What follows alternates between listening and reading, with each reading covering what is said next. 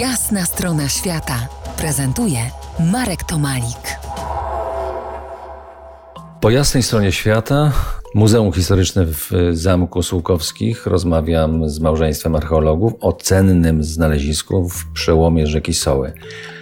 Jak na podstawie kilku, kilkudziesięciu znalezisk można wysnuwać teorię, że tędy wzdłuż koryta rzeki Soły przebiegał szlak podróżny? Możemy tutaj z całą pewnością powiedzieć, że skarb wyrobów brązowych oraz skarb wyrobów żelaznych, y, ale już nie tych grzywien, bo również mamy ozdoby wykonane z żelaza. Są to, my nazywamy to nagolenniki, czyli takie obręcze wkładane właśnie na y, odcinek nogi, na tak nogi. i bransolety, były złożone jakby w sposób taki bardzo y, celowy i z świadomym jakimś rozmieszczeniem tych przedmiotów, nawet rozłożeniem.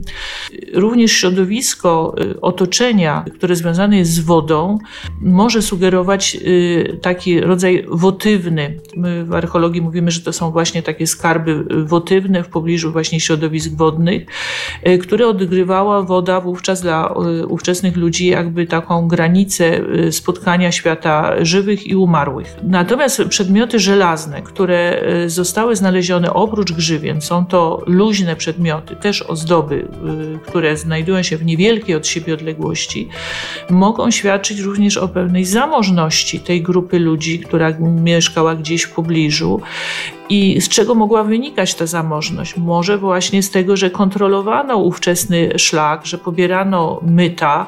Najbardziej fascynujące jest to, co skłoniło ich do tego, że jednak pozbyli się tak ogromnego majątku i w, nie, w niewielkim obszarze złożyli je właśnie do, do ziemi. Ja myślę, że to dla Was, archeologów, y, sam skarb, czyli przedmiot, który został odnaleziony, to jest jeden skarb, ale drugi skarb to, w jaki został on posadowiony.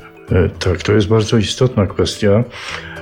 W tym przypadku nawet bym chyba zaryzykował stwierdzenie, że najważniejsza. E, warto tutaj przy tej okazji, mm, że tak powiem, podziękować osobom, które, którym tak naprawdę to zawdzięczamy, bo my jako archeolodzy, jako rzemieślnicy podejmowaliśmy zgodnie z regułami sztuki, jak gdyby te skarby, czyli eksplorowaliśmy.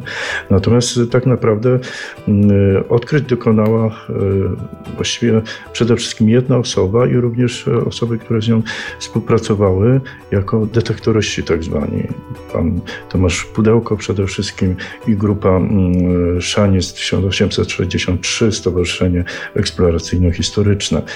Skarby z ziemi wydarte, prehistoryczne wyroby z brązu i żelaza odkryte w rejonie Beskidzkiego przełomu rzeki Soły. Te ekspozycje można obejrzeć w Muzeum Historycznym w Bielsku Białej na w zamku książąt Słukowskich do 4 września.